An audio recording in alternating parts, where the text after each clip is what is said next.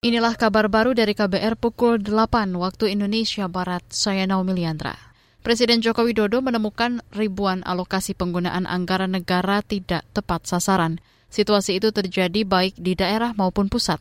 Hal tersebut disampaikan Jokowi saat menerima laporan hasil pemeriksaan LHP atas laporan keuangan pemerintah pusat LKPP 2022 di Istana Negara Jakarta kemarin. Contoh yang ketiga, pembangunan Balai Penyuluh Pertanian. Ini di Kabupaten APBD, berarti dari APBD Kabupaten. Tujuan membangun dan merehab balai penyuluhan. Anggarannya 1M, 734 juta untuk honor perjalanan dinas dan rapat-rapat. Saya nggak tahu berapa puluh kali rapat ini dilakukan. Ini banyak sekali, bukan hanya tiga contoh ini, banyak ribuan yang seperti ini. Mestinya yang namanya overhead itu ya 20 persen. Jokowi menginginkan kualitas belanja anggaran dikawal sejak perencanaan dan dilaksanakan dengan baik dan tepat sasaran.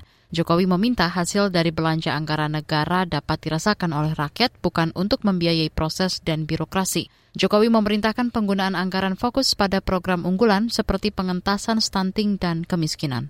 Menko Polhukam Mahfud MD menegaskan penanganan yudisial atau hukum kasus pelanggaran HAM berat masa lalu akan dilakukan oleh Kejaksaan Agung, Komnas HAM, dan DPR. Ini disampaikan Mahfud merespons pertanyaan wartawan soal penanganan hukum kasus pelanggaran HAM berat yang belum tuntas. Pertanyaan itu muncul lantaran kini pemerintah tengah berupaya memulihkan dan merehabilitasi korban dan keluarga korban pelanggaran HAM berat. Peluncuran program non-yudisial itu akan dimulai hari ini di Aceh.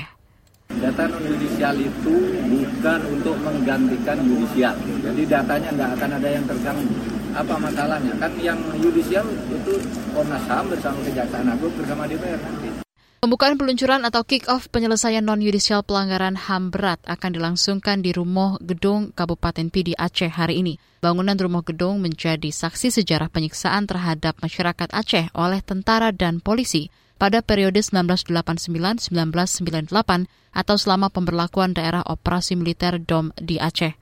Di tempat itu Presiden Jokowi akan menandatangani prasasti dan akan menyapa korban serta keluarga korban di sana dan akan dilakukan bersamaan di wilayah lain. Saudara Federasi Sepak Bola Dunia FIFA belum menentukan stadion mana saja yang akan digunakan untuk Piala Dunia U17 di Indonesia. Mengutip antara Wakil Ketua Umum PSSI Zainuddin Amali, menjelaskan sejauh ini informasi yang didapat dari FIFA baru sebatas penunjukan Indonesia sebagai tuan rumah. Ajang Piala Dunia U17 akan berlangsung pada November hingga Desember 2023. Jadwal perhelatan itu bersamaan dengan pertandingan Liga 1 yang akan memasuki pekan ke-19. Karena itu PT Liga Indonesia Baru dan PSSI masih menunggu keputusan lebih lanjut dari FIFA. Namun ada kemungkinan Liga 1 dan Piala Dunia U17 dilaksanakan beriringan. Demikian kabar baru, saya Naomi Liandra.